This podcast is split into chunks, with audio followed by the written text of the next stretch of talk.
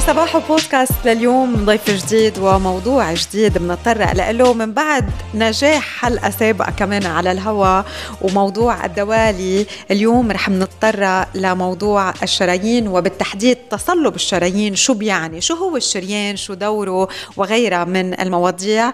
مع ضيفنا دكتور عمار قطيمان استشاري جراحة عامة وجراحة الأوعية الدموية.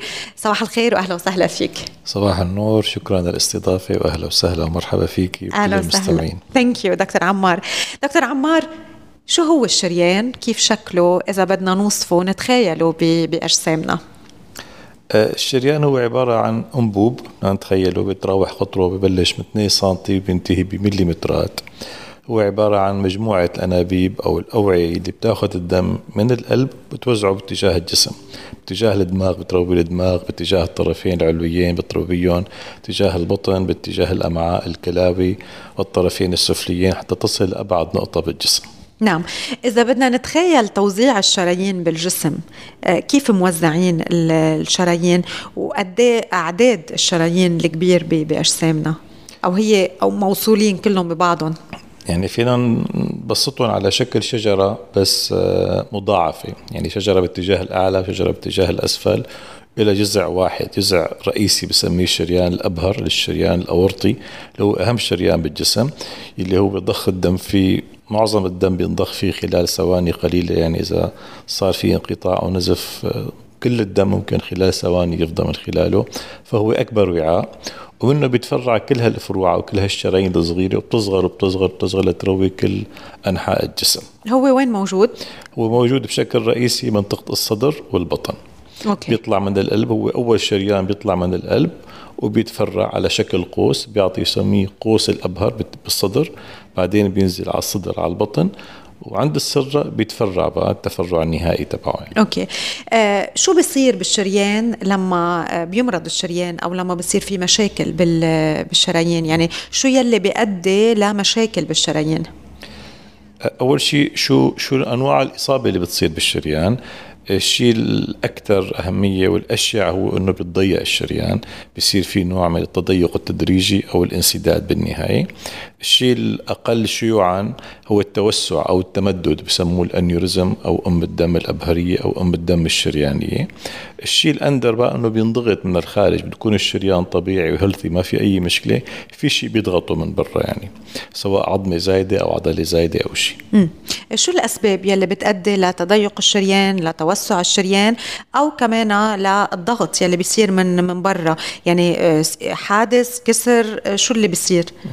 خلينا نحكي على الشيء الأشياء الحقيقة اللي هو أكثر شيء بنصادفه بحياتنا اليومية هو شيء اسمه تصلب الشرايين مثل ما تفضلتي حضرتك.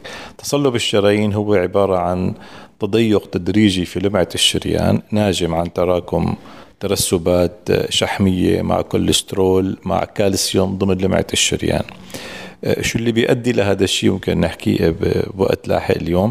بس هذا الشيء بيؤدي تضيق تدريجي في لمعة الشريان. وكل ما تضيق الشريان فبالتالي كل ما خفت كمية الدم اللي بيرويها للعضو المصاب سواء كان بالإيد أو بالدماغ أو بالرجل. بينما التوسع هو عبارة ناجم عن خلل بتركيبة الشريان. يعني الإنسان ما له أي دور فيه ما له أي ذنب فيه. هو عبارة عن خلل وراثي بيكون بتركيبة جدار الشريان. فبصير في مثل انتفاخ جزئي أو توسع جزئي. طبعا ارتفاع الضغط الشرياني بيساعد هذا الانتفاخ. حتى نبسطه نتخيله هو مثل البالون كل ما نفخنا أكثر كل ما ضغطنا أكثر كل ما توسع أكثر فالتوسع الأم الدم أو الأنيوريزم اللي بيزيده هو فرط التوتر الشرياني. بس سببه الرئيسي بيكون سبب وراثي بتركيبة الشريان. الشيء الأندر اللي بيصيب معظم الشباب وما بيصيب الكباب العمر هو الانضغاط الخارجي.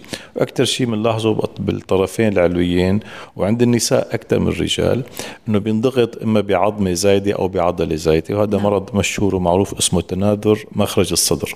يعني الشريان اللي بيطلع من الصدر باتجاه الطرف العلوي أو الإيد بيمرق بمنطقة ضيقة ورا عظمه الرقوه هاي المنطقة بيمرق فيها عضلات وبيمرق فيها العظم تبع الترقوة وجنبه بيكون في أعصاب بيكون في أوردة فبنضغط الشريان بهالمرحلة هي وبيؤدي لنقص تروية. ومرض الحقيقة نادر ونادر ما يخطر ببال الأطباء بس هو كتير بنشوفه بحياتنا اليومية. شو الخطر خطر أكثر أو ما هي خطورة آه تضيق الشرايين أو آه، توسع الشرايين؟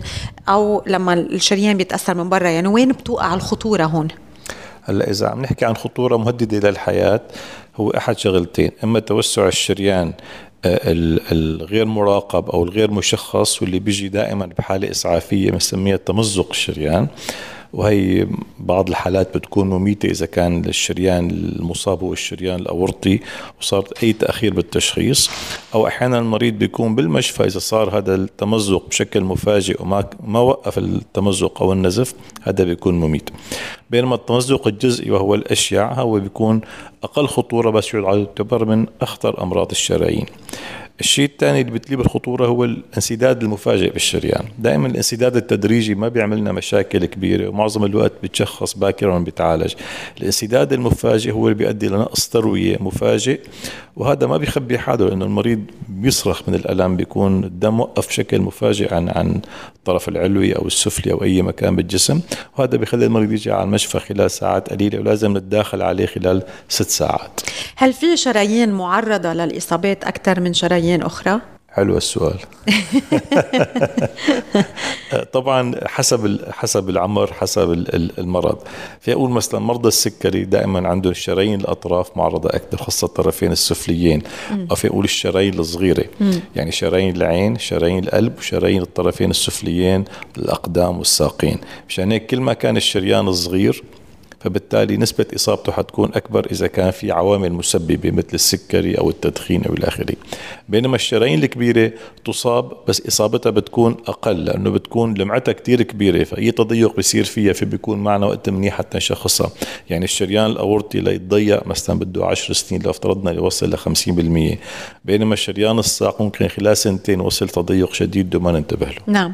طيب دكتور عمار اليوم عم نحكي عن آه، أمور نحن مسؤولين عنها. عنا لحتى نحافظ على صحة الشرايين وفي أمور أوكي نحن ما لنا دخل فيها. اليوم مسؤوليتنا كأشخاص مسؤولين عن هذا الجسم وبدنا نعيش حياة صحية. آه، كيف نحن فينا نحافظ على شرايين صحية؟ بالجزء اللي نحن لنا علاقة فيه. تماما. هلأ نحن خلينا نقول إنه في شغلات ما لنا علاقة فيها. هي بتشكل جزء كتير أساسي هي العوامل الوراثية أو الجينية. مثل واحد إجا على الدنيا عنده قابلية للإصابة الشريانية. هذا شيء ما في غير فيه. هل هذه القابلية عف... هون معلش اسمح لي أسألك آه، في عامل وراثي؟ عمل وراثي بس هون إحنا فينا نقول شغلة كتير مهمة. إذا لاحظنا بعيلة معينة إنه هالعيلة عندها إصابات وعائية وشريانية. فينا ننصح هالعيلة إنه يوقفوا زواج الأقارب بيناتهم. لأنه هذا الشيء بيخلي الأجيال الثانية تنصاب بشكل أكثر وأكثر فبالشيء اللي نحن ما فينا نتدخل فيه فينا نحمي الأجيال الثانية من خلال التوعية الاجتماعية. نعم.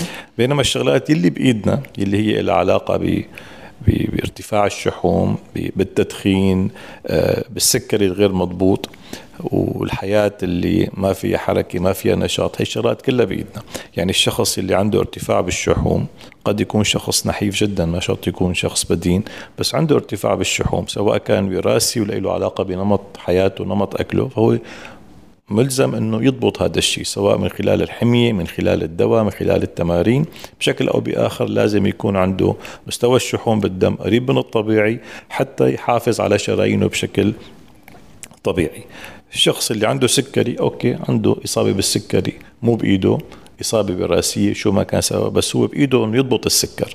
كل ما كان ضبط السكر كويس كل ما حافظنا على شراييننا تكون طبيعية وصحية بشكل دائم. م. يعني المريض اللي عنده سكري وغير مضبوط سواء كان بياخذ حب ولا أنسولين هذا مصيره إنه شرايينه تتأذى بشكل أو بآخر.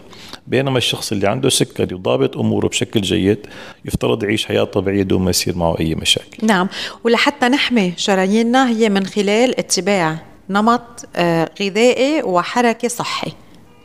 يعني شراييننا عبارة عن أوعية عم تجيب لنا الأكسجين لكل جسمنا حتى يتنفس ويعيش. كل ما حافظنا عليها كل ما كانت حياتنا كويسة. في واحد يعيش 100 سنة بس يمضي 50 سنة من عمره بالمشافي وبين الدكاترة.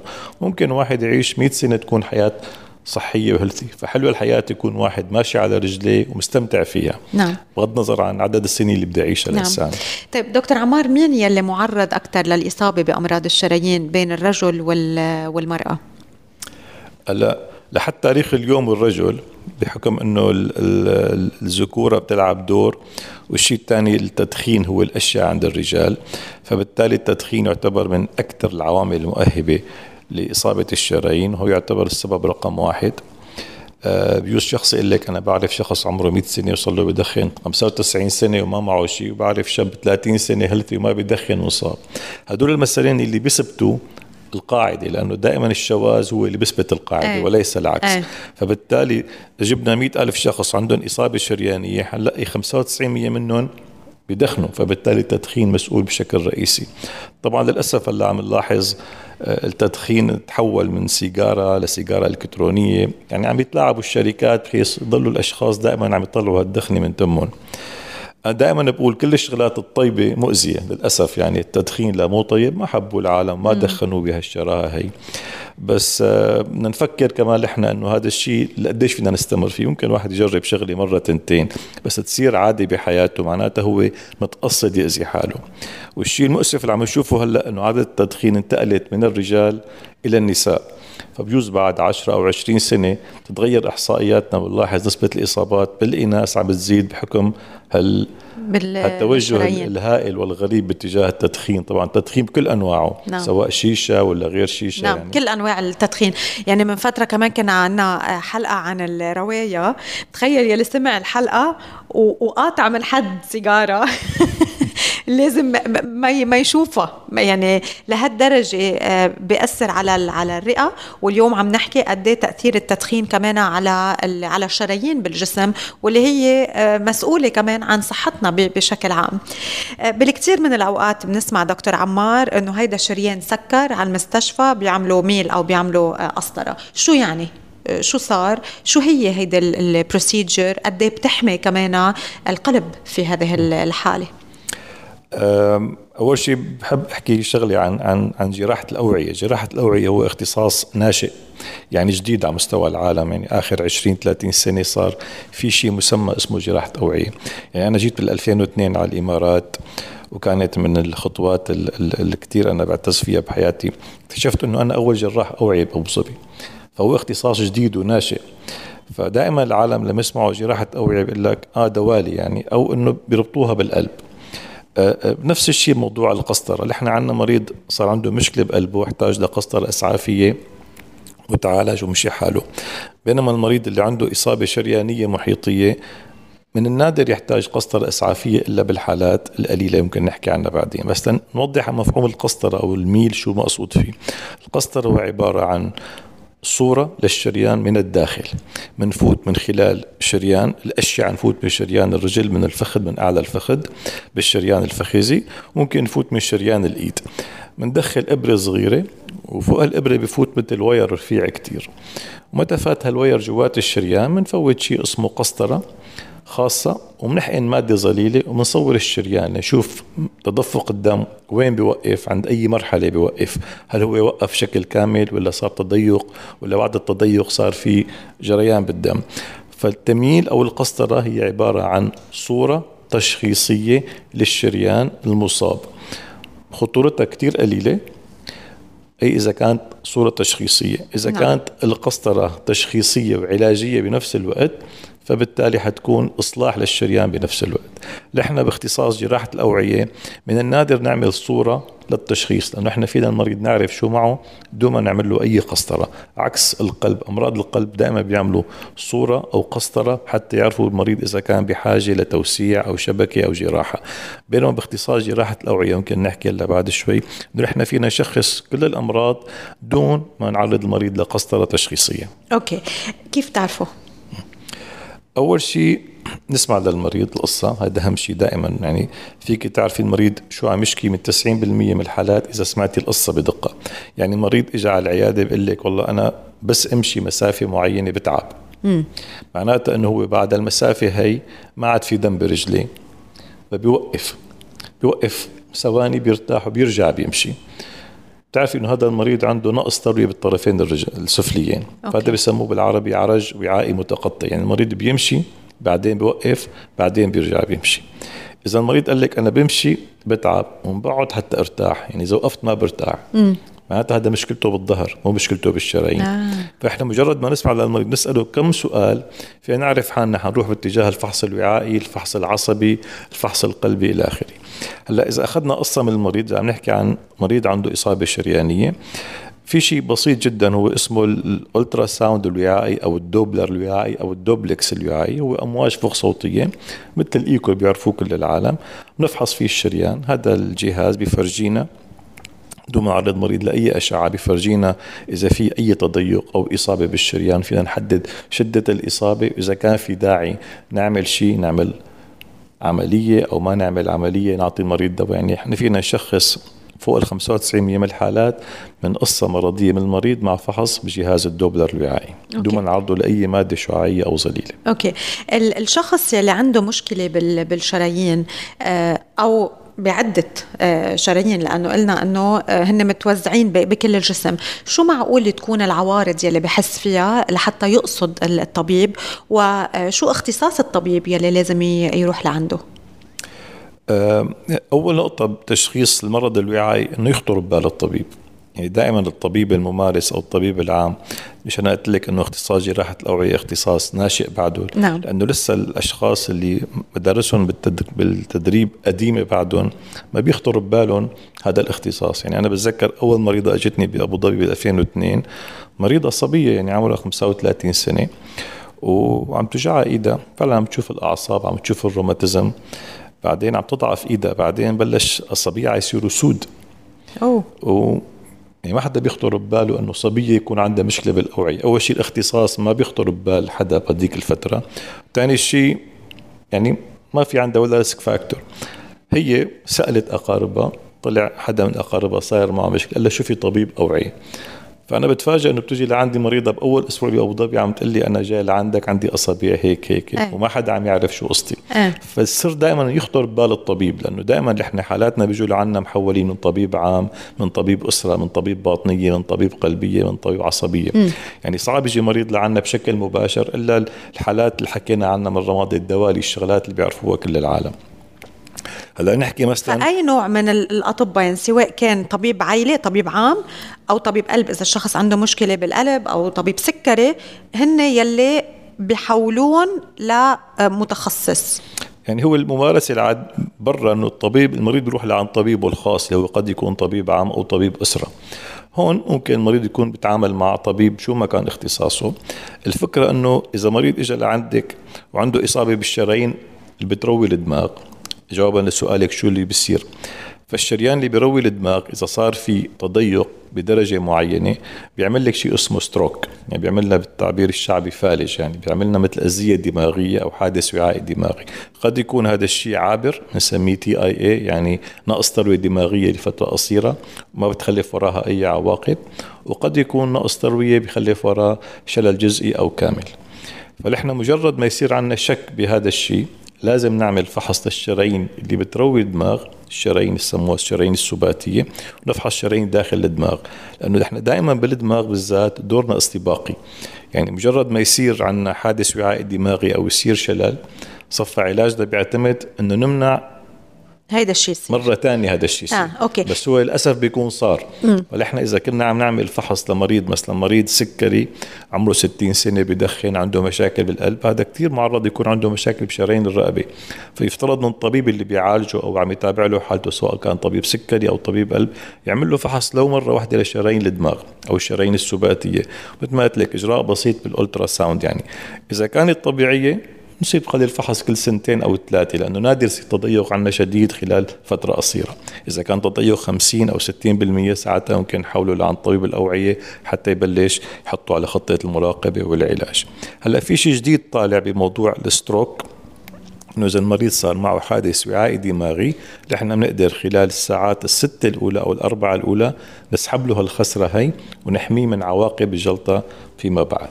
طيب هون عم نحكي عن آه، إذا شخص صار معه stroke أو إذا عنده حالات آه، مرضية أخرى والطبيب عم يتابع معه لحتى آه، يصير في مثل وقاية من مشاكل بالشرايين إذا شخص ما عنده هيدا المشاكل وشو ممكن يحس إذا عنده مشكلة بالشريان؟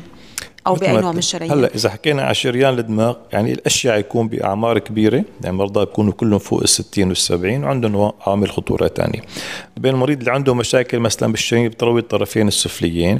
مثل ما قلت لك إنه بصير بيمشي مسافة وبيوقف. هيدي بيوقف. أوكي. قد تكون مسافة كيلومتر قد تكون 500 متر قد تكون 50 متر. so هيدي عارض هي الشخص- هذا عارض معناتها هو عنده عرج وعائي متقطع إصابة شريانية ما وصلت لمرحلة خطيرة. ما لازم المرحلة اللي بعدها يعني. المريض بصير يمشي مسافة كتير قصيرة. المرحلة اللي بعدها المريض هو قاعد بحس بالالم بسميها هي مرحلة ال rest pain. يعني المريض بيكون نايم بالفرشة ما بيقدر ينام من ألمه. بيضطر ينزل رجليه على الأرض حتى الجاذبيه تجيب له شوية دم حتى يحس آه. حاله مرتاح. أوكي. المرحلة اللي بعدها بصير عنده جرح برجله ما عم يشفى إنه عنده جرح برجله صار له شهرين وثلاثة ما عم يشفى أو عنده gangrene بالأصابع بلش يصير. هيك صرنا مراحل شوي متقدمة يفترض مريض يكون كشفها قبل بوقت أوكي. هيدا بالطرفين السفليين. الطرفين السفليين. أه وشو كمان؟ هلأ مثلا بشرايين الأمعاء كمان عندنا شيء اسمه خناق بطن أو عرج متقطع بالبطن. يعني المريض عنده تضيق بالشرايين اللي بتروي الامعاء نحن لما ناكل الأكل بحاجة لدم وأكسجين حتى يهضم الأكل. مجرد المريض ما ياكل الوجبة بحس بمغص شديد. لأنه صار الامعاء بدها دم وما في عندها دم. فبصير عنده مغص شديد. فبتشوفي المريض بتاخذي القصة منه بيقول لك أنا شو ما أكلت شو ما كان نوع الأكل دسم أو حامض أو أي شيء أكل باكله بحس بألم. فبصير عنده خوف من الأكل لأنه ارتبط عنده الأكل بالألم. بالوجع. فعم ينزل وزنه بشكل كتير. ممكن تشوفي مريض نازل وزنه 20 كيلو حتفكري هذا معه سرطان أو شيء أو يخطر ببالك دائما تروحي لشغلات بعيدة أو عنده فرط نشاط بالغدة أو ما عم ياكل. لما تسمعي قصته إنه هو حابب ياكل بس عنده خوف من الأكل لأنه صار عنده ألم. وهذا الألم بيجي على أي نوع من الأكل فبالتالي عنده نقص تروية بالأمعاء. إذا كان بالطرفين العلويين نفس الشيء المريض كمان لما بيحرك إيده بحس بتعب فيها أو بحس إيده ما عم تحمله أو ما عم تطاوعه. أه هل مشاكل ال- الشرايين هي بس حكر على الكبار أو كمان على الأولاد؟ أه من الممكن إنه يصير عندهم مشاكل بالشرايين. يعني ذكرتني هلأ بموفي أنا حضرته عن طفلة عندها مشاكل بشرايين البطن. هو الحقيقة دائما هي التشوهات ال- الوراثية أو التشوهات الخلقية هي بتكون موجودة بأي عمر. في عنا الأمراض ال- ال- الوعائية اللي بتصير بأعمار صغيرة ممكن مع الوقت تختفي لحالها وتروح هي بسميها الوحمات الوعائية الولادية عنا الأمراض الوراثية اللي هي معظم الحالات بيكون حلها ما له دائم بيكون حل حسب الحالة.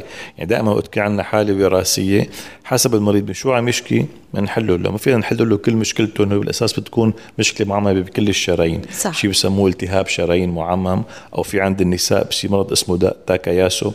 هذا بسبب بيؤدي بالنهاية لاسيدات كل الشرايين. بس حسب الشريان اللي مصاب وعامل مشكلة بنعالجه لأنه هو لو عالجناه حيرجع مرة ثانية فدائما العلاج حسب شكوى المريض. ما فينا نحل المشاكل بشكل كامل. نعم هيدا بالنسبة للحالات الوراثية عند الأطفال. الأمراض المناعية الوراثية فينا المناعية. الوراثية أوكي. آه رح نتابع حلقتنا مع دكتور عمار قتيمان استشاري جراحة عامة وجراحة الأوعية الدموية ونحكي تفاصيل أكثر عن ال- الشرايين وصحة الشرايين بال- بالجسم. ومنتطرق بالجزء الثاني من من لقائنا عن آه متى يجب أن يتم التدخل لإصلاح الشريان وهل كل شريان مسدود نحن بحاجة أنه آه، نتدخل طبيا لمعالجته خليكن معنا متابعين صباحو بودكاست لليوم وحلقتنا عن التشري... عن الشرايين وتحديدا تصلب الشرايين دكتور عمار قطيمان استشاري جراحة عامة وجراحة الأوعية الدموية مرة جديدة بنرحب فيك ومنتابع لقائنا معك لليوم عبر إذاعة ستار إف إم عبر كل ال podcast platforms وأكيد على ال application الخاصة بستار إف إم UAE. أهلا وسهلا فيك. أهلا وسهلا شكرا. آه، دكتور عمار آه، ختمنا بسؤال والجواب معك. هل نحن بحاجة للتدخل الطبي بكل آه، حالات انسداد الشرايين أو توسع الشرايين؟ هذا سؤال كتير كتير مهم لأنه كل يوم بنصادفه. عشان هيك نحن وقت نحكي عن عن جراحة الأوعية هي عبارة عن اختصاص بغطي كل شرايين الجسم ما عدا الشرايين بتروي بالقلب. لأنه بالقلب بالذات أي شريان واصل لدرجة معينة من التضيق يجب إصلاحه سواء كان مريض عم يشكي ولا ما عم يشكي لأنه إذا صار احتشاء بعض القلبية هذا بيكون خطير على المريض. العكس بالشرايين المحيطية. ليس كل شريان مصاب يجب إصلاحه هي أهم شيء. نعم. لازم ناخذ بعين الاعتبار عمر المريض الشكوى تبعه العوامل الخطورة. لأنه عندنا كثير أمراض آه، الدراسة بتقول إنه إذا عملنا للمريض عملية أو عملنا له شبكة أو بالون أو حطينا شخص مثله بنفس الإصابة على برنامج مشي توقيف تدخين مع شرب مي بعد ثلاث سنين الشخص اللي ما عمل عملية حتكون نتائجه أحسن بكثير من اللي عمل عملية أوه. فبالتالي دائما ما نأخذ بعين الاعتبار عمر المريض إذا إجانا مريض عمره 70 سنة عم يمشي كيلومتر وعنده الشريان مسدود بالكامل وهو له عندك الشريان مسدود بس ما بيحتاج أي شيء المريض يعني ما حيكون سعيد ابدا لأنه حيضل يروح من طبيب لطبيب إنه أنا عندي شريان مسكر لأنه ارتبط عنده كلمة الشريان مسكر بشيء خطير. فإذا مريض عمره 70 سنة عم يمشي كيلو متر هي تعتبر مسافة جيدة بالنسبة له بس لشخص عمره 30 سنة مفروض أنه يشتغل أكثر أو بحاجة أنه يمشي مسافة أطول لازم يصلح له الشريان. فدائما إصلاح الشريان يعتمد على شكوى المريض عمر المريض والعادات المرافقة للمريض. هل هذا المريض متعاون؟ لأنه دائما إحنا إذا عم نتعامل مع شريان كبير ما عندنا مشكلة لو حطينا له شبكة أو عملنا له عملية. بنعرف الشريان لما يكون كبير فبالتالي الشبكة أو البالون حيضل فعال لعشرات السنين. بينما الشرايين الصغيرة اللي قطرها 3 ملي و5 ملي هي نهاية الانسداد خلال سنوات قليلة. إلا إذا المريض تعاون معنا وقف الدخان وغير كل حياته وهذا للأسف يعني قليل ما نشوفه نعم. يعني هلا عم نحكي ميل عم نحكي بالون عم كل هدول بنحس دايما أو دايما بنمزجهم مع مشاكل القلب. تماما. آه، وهن ما هن شيء يعني هن محيطين بالقلب. تماما. يعني هن نفس اللي بيصيب القلب بيصيب بقية الشرايين والعلاج نفسه تقريبا هلأ بالقلبية معظم الحالات عم تتعالج بالقسطره في نقول بجراحه الاوعيه 95% من الحالات تتعالج بدون جراحة.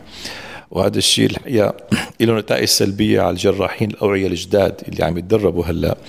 رح يفقدوا الملكة الجراحية لأنه كل شيء حاليا عم يصير عن طريق القسطرة. وأنت كجراح بالنهاية بحاجة يكون عندك هالخبرة الجراحية لأنه أحيانا بالقسطرة بصير مشاكل بصير نزف بصير إغلاق للشريان.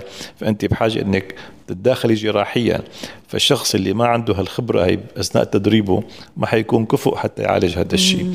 فللأسف التطور الطبي اللي عم يصير عم يكون لمصلحة الإنسان المريض بس عم ينعكس سلبا على خبرة الجراحين الجداد. سو so, هذه الخبرة اليوم أو المهارة يلي الطبيب كمان بحاجة لها بالعملية المتعلقة بالأوردة والشرايين ما هي هذه المهارة؟ يعني ما هو المطلوب اليوم من هذا الطبيب بهذه العملية؟ وقد صعوبة هذه العملية.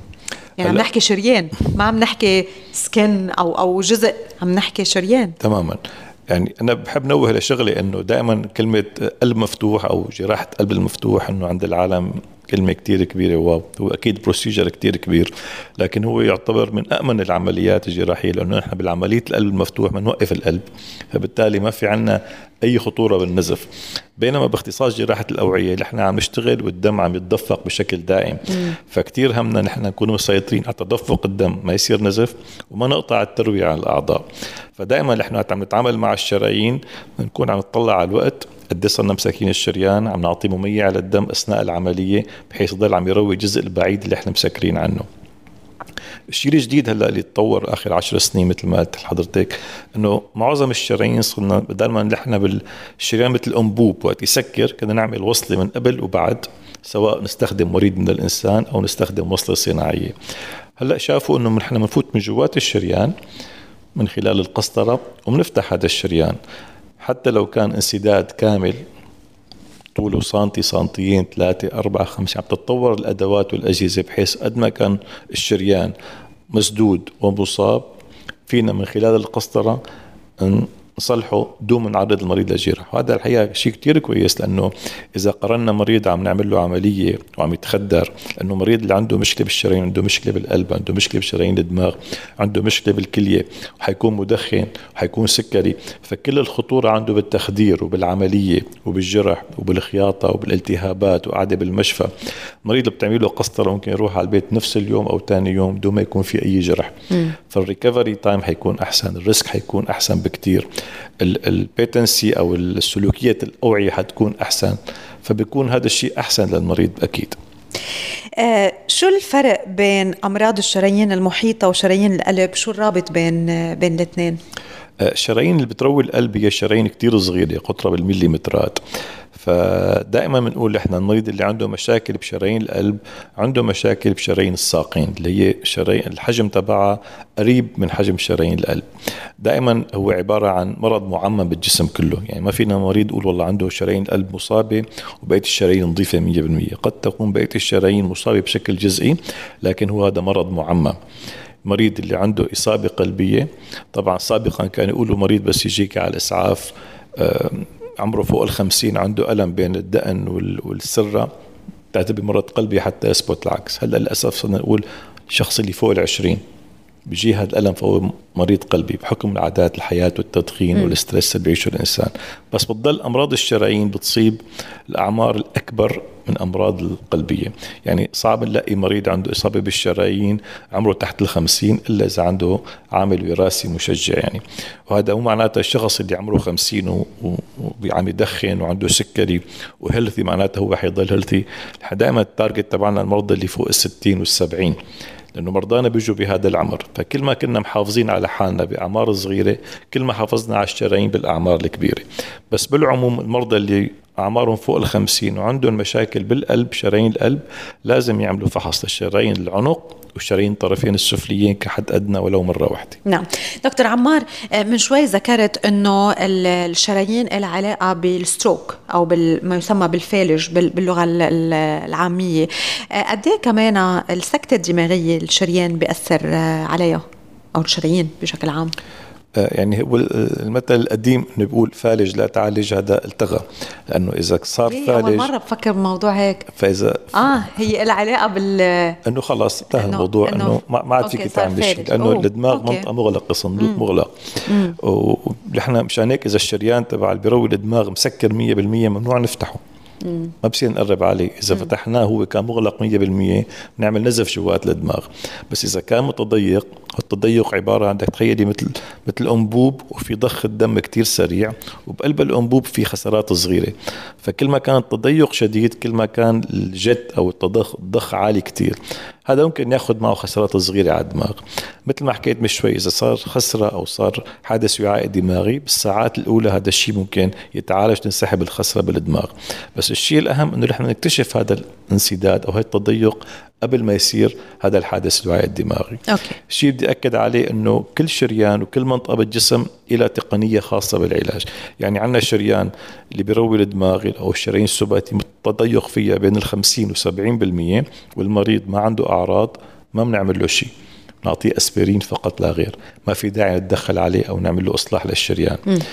التضيق بين السبعين والتسعين والمريض ما عنده كمان مشكلة وما عنده سوابق وما عنده risk factor كثير مدارس بتقول لك كمان خليه بدون ما تعطيه أي شيء على العلاج الدوائي. أوكي. المريض اللي تضيق فوق ال 60% وعنده سوابق فالج أو حادث وعاء دماغي أو نقص تروية دماغية حتى لو كان صامت لازم نصلح له هذا الشريان.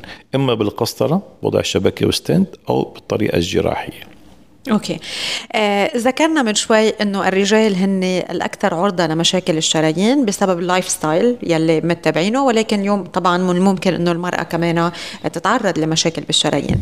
ما هي أكثر الأمراض يلي متعلقة بالشرايين آه اللي هي تصيب الرجل وهل هي مختلفة عن المرأة؟ يعني هل في أمراض أكثر بتصيب الرجل متعلقة بالشرايين وأمراض أخرى تصيب المرأة أكثر أو لا؟ بالعموم يعني احصائيا تصلب الشرايين هو مرض الذكور بالغالب. إيه؟ آه توسع الأم الدمي كمان مرض الذكور بالغالب. شو يعني توسع توسع الام الدمي هو عبارة عن توسع بالشريان.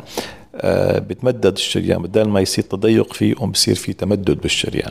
وهذا التمدد مثل قنبلة موقوتة بصير إذا وصل لحجم معين.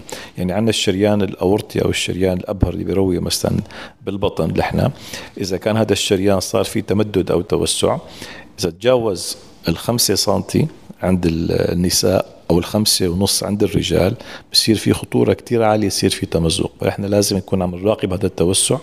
ما توصل لهذا الرقم لازم نصلحه فورا. الطريقة التقليدية إنه بنفتح ومن من قص الشريان اللي متوسع بنشيله بالكامل بنحط بداله أنبوب. انبوب طبعا طبي من نوع خاص ومنخيطه ومنصلحه الطريقة الحديثة بسموها ال endovascular EVAR يعني بنفوت جوات الشريان وبنحط الوصلة نفسها مخيطة على شبكة. هي حقيقة شوي بتكون هي غالية لأنه كتير تقنيتها خاصة وفي حالات بصير لها تفصيل خاص للمريض. يعني ما بنبعث للشركة قياسات المريض هن بيفصلوا له شبكة مع مع mesh مصنعة خصيصا له والحلو فيها هي إنه بتحمي المريض أول شيء من عمل جراحي كتير كبير. وبتصير تخدير موضعي مثل ما حكينا عن القسطرة المريض بفوت بيعملها بيروح على البيت ثاني يوم ولا كأنه عامل شيء أوكي so هدول بالنسبة لأمراض الشرايين المتعلقه بالرجل, بالرجل. هدول الأكثر. تماما. المرأة؟ المرأة أكثر شيء بصير فيها الأمراض المناعية الالتهابية. آه، الأمراض المرتبطة بالأمراض الروماتيزمية مثل ما حكينا داء مثلا تاكاياسو كثير شائع عند عند النساء. عندنا مرض اسمه داء رينو. داء رينو هو عبارة عن تشنج بالأوعية الصغيرة تبع القدمين واليدين. يعني شخص بتلاقيه مثلا بيعيش بمناطق باردة هون بنلاحظها بحكم إنه التكييف دائما موجود. انه مريض بصير اصابيعه باردة كثير وهذا الشيء بعتبره عادي إنه أشخاص ما بيتحركوا. بعدين مرحلة متقدمة بصير الأصابع لونها أزرق غامق. يعني قريب من اللون الكحلي فينا نقول. مريض بحس إنه ما عم يقدر يحرك أصابعه. بعدين فجأة بصير عنده flush بصير أصابعه حمراء كثير ومؤلمة كثير الفكرة إنه نحن بالطقس البارد طبيعي الاوعية تتوسع عنا مشان تجيب دم مشان تدفي الأصابع. وبالطقس الحار بتتشنج الاوعية شوي لأنه في حرارة خارجية ما في داعي. okay. هذا الشخص بيكون عنده الحساسية مقلوبة. بالطقس البارد بصير عنده تشنج أكثر فبصير عنده هذا مرض. فهذا بسموه داء رينو قد يكون مرتبط بمرض مناعي وقد يكون معزول لحاله.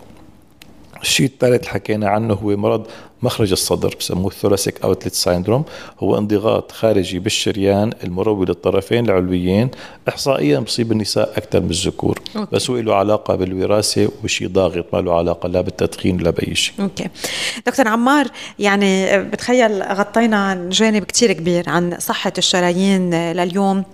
والوقاية لحتى نحمي الشرايين من خلال اتباع life style صحي الابتعاد عن التدخين الحركة واتباع نظام غذائي آه، صحي كمان. آه، كيف تحب تختم هذا اللقاء؟ شو بتحب تضيف كمان عن كل ما يتعلق بشرايين الجسم؟ آه، آخر حلقة كنا عم نحكي عن الدوالي كنا عم نقول إنه الرياضة المفيدة هي الجري والمشي بتعب. اليوم حنعكس الآية. مرضى الشرايين كل ما مشوا كل ما تحسنوا يعني الشخص اللي عنده تضيق أو انسداد بالشريان لما يمشي هيحس بالتعب لكن إذا مشي أكثر حيتحسن أكثر فنحن مشكلتنا بالمشي وعلاجنا بالمشي. بنصح كل المرضى أو كل الأشخاص وكل العالم وكل أهلنا أول شيء قد ما فينا نفكر بالمستقبل. الشخص اللي عمره 30 سنة يفكر لما يصير عمره 60 و70 إنه يستمتع بالحياة ما يتحول لإنسان مريض لأنه الحياة حلوة اللي إحنا ماشيين على رجلينا. كل العادات السيئة إذا حبينا نجربها مرة وتنتين وثلاثة بس ما تصير عادة. الأكل كل ما كان صحي كل ما كان أحسن. المشي وممارسة الرياضة شرب المي كثير هن من الشغلات اللي بيخلوا دائما حياتنا كويسة وشراييننا نظيفة thank you لك دكتور عمار قطيمان استشاري جراحة عامة وجراحة الأوعية الدموية. نتمنى الصحة للكل ونتذكر دايما أنه آه، صحتنا بالدنيا. أهلا وسهلا فيك دكتور عمار. يو شكرا.